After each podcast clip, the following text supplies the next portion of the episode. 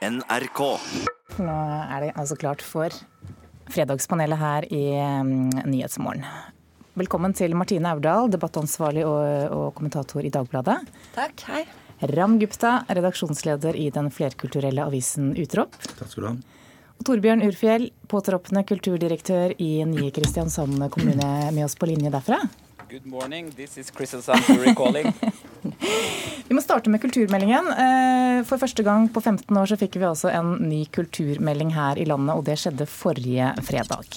Kulturmeldingen skal altså legge rammene for norsk kulturpolitikk de neste ti årene. Og Trine Skei Grandes viktigste budskap var et rikt og variert kulturliv er et vilkår for et velfungerende demokrati. Jeg tror at vi har funnet en en eh, god løsning som både gjør at eh, kulturministeren skal fortsette å være kulturminister, vi skal ikke abdisere på det feltet, eh, men vi skal også sørge for at vi har en kulturpolitikk som henger sammen i dette landet.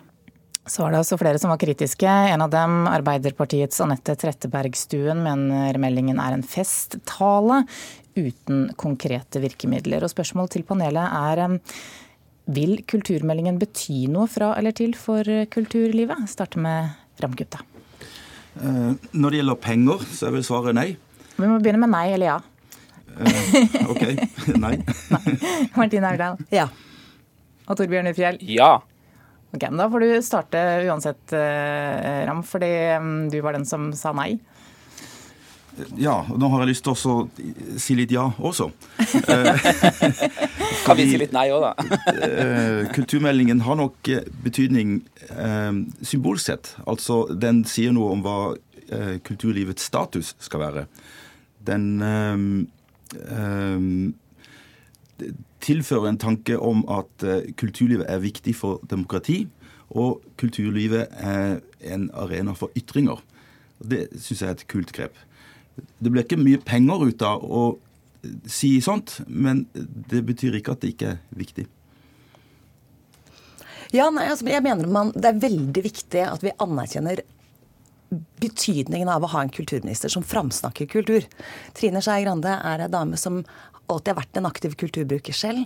Hun brenner for dannelse. Hun evner å sette ord på hva det er som gjør kulturen viktig for oss alle sammen. Og, og sånn sett, som du sier, er med på å heve betydningen av kultur i samfunnet. Og det er veldig viktig.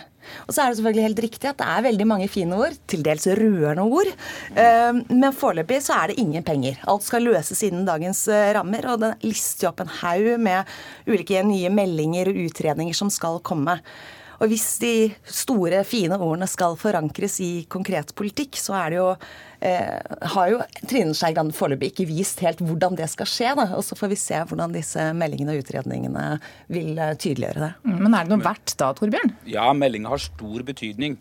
Og særlig som nyslått kulturbyråkrat så kommer dette til å være et dokument som jeg kommer til å bruke masse. Eh, det er en ideologisk fest, et ideologisk festskrift.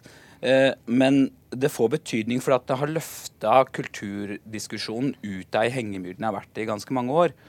Eh, og den plasserer kulturpolitikken som veldig sentralt element i demokratiet. For et år siden så, så det ut som at vi kom til å få ei kulturmelding som kom til å, å fundamentere seg på et veldig vakkevorent maktspredningsprinsipp, og mer avkastning på investeringene som er gjort. Og så har vi fått en kulturmelding som er noe helt annet den sier at den skal klare å levere eh, de tiltakene, eller de måla som står i den, med de samme pengene som er i dag. Men da blir jo den neste kampen kampen om eh, kulturløftet som opposisjonen vil fremme, mot regjeringa som kanskje vil bruke mindre penger. Ram, eh, du har lest en del av meldingen. Er det fagre ord om mangfold i kulturlivet der? Eh, fagre ord er jo et annet ord for positivt. Det finnes positive ord om mangfold. Men det er ikke så mange ord om mangfold. Det er ganske få. Ehm, det som er problemet med kulturmeldingen, det er at den ikke peker vei mot konkrete tiltak for um, hva vi skal gjøre med at uh, det er lite mangfold i det institusjonelle kulturlivet. Um, det er veldig mange ord om uh, samer og nasjonale minoriteter, og det er veldig fint. Men det er faktisk svært lite om eh, det kulturelle mangfoldet som Norge er blitt i dag. Men Martine Aurdal, har det vært for store forventninger til at den skal inneholde penger og konkrete oppgaver? At det er derfor folk, eller noen, da, blir skuffa? Ja, altså Nå har vi jo hatt eh, hva skal vi si, et utvalg kulturministre de siste årene som har framstått veldig forskjellig for eh, kulturlivet.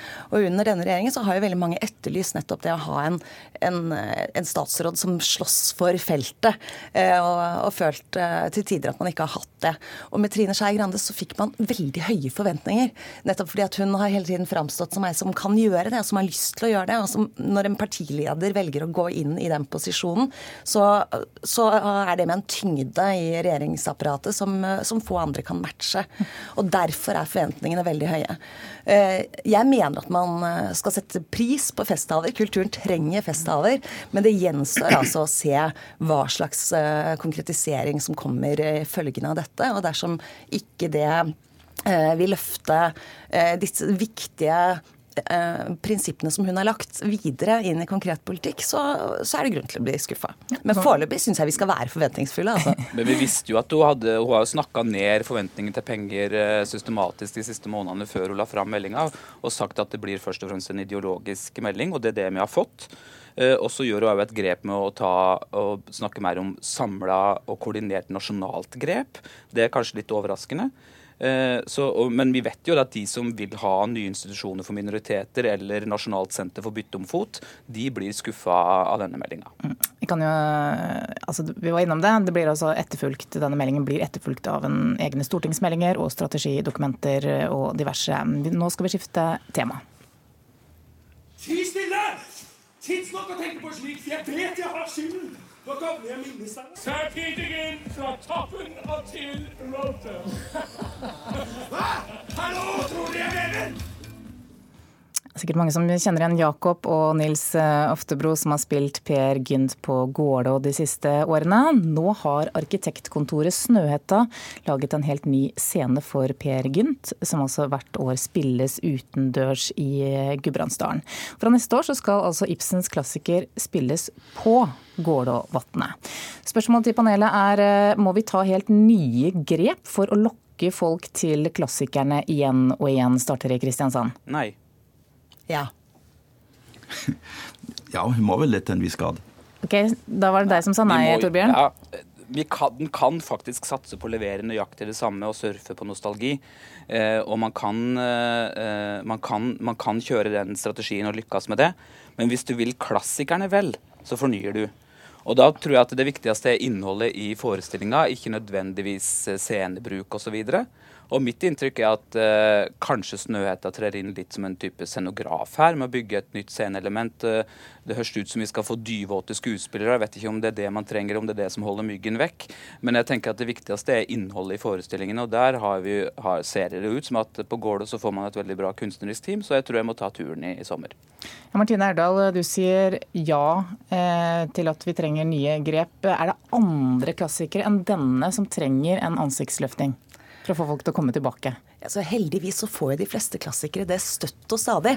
Det er jo derfor de er levende kunst. Vi gidder å sette dem opp igjen og igjen med nye aktører på nye steder. Og, og er slik med på å aktualisere klassikerne, med på å sette dem inn i nye sammenhenger og med på å gi uh, ulike og nye opplevelser. Derfor så kan du se det samme stykket mange ganger på ulike arenaer. Og scenen er jo også en, en viktig del av den opplevelsen, enten det er da en operascene eller det er Shakespeares Globe i London, eller det er dette som ser ut til å bli et helt spektakulært eh, vannspeil i Gålå.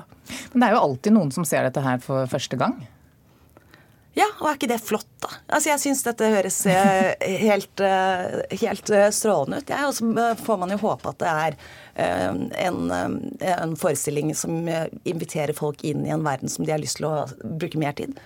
Ja, Ramgupta, er det ikke litt av sjarmen innimellom også at noe i verden består? At du vet akkurat hva du får dersom du går og ser Per Gynt på Gålå?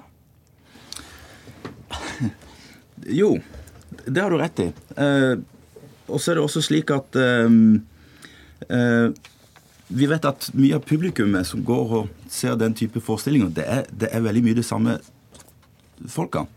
Det er folk i en viss alder, det er veldig mye kvinner.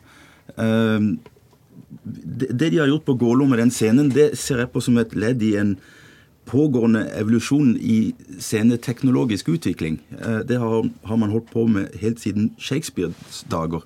Og hvis det, litt teknologi og litt stæsj og sånn eh, gjør at det kommer noe mer mannfolk, så er det kanskje en, en bra ting. Vi får ta turen, Ram. Vi, må om, eh, vi skal snakke om adventskalender også. Nordmenn, altså vi, bruker over en milliard kroner på julekalendere i år. Ikke bare til barn, men også til eh, kjæresten eller andre voksne. Og som vi hørte i morges, mange kjøper også kalendere til dyrene sine. Det er liksom utsolgt. Det er helt tomt, det. Fra lageret. Veldig populært. Men de er ikke så veldig dyre. Så er det godbiter i de til hunder og katter. Det er en helt vanlig, ser litt ut som en vanlig sånn sjokoladekalender. Folk syns jo det er litt morsomt å skjemme bort dyra sine òg, så det Men altså en milliard. Spørsmålet til panelet, burde vi droppe hele julekalenderen? Nei. Nei. Ja. Da får du starte igjen, Torbjørn. Ja. Vi klarer oss uten disse kalenderne.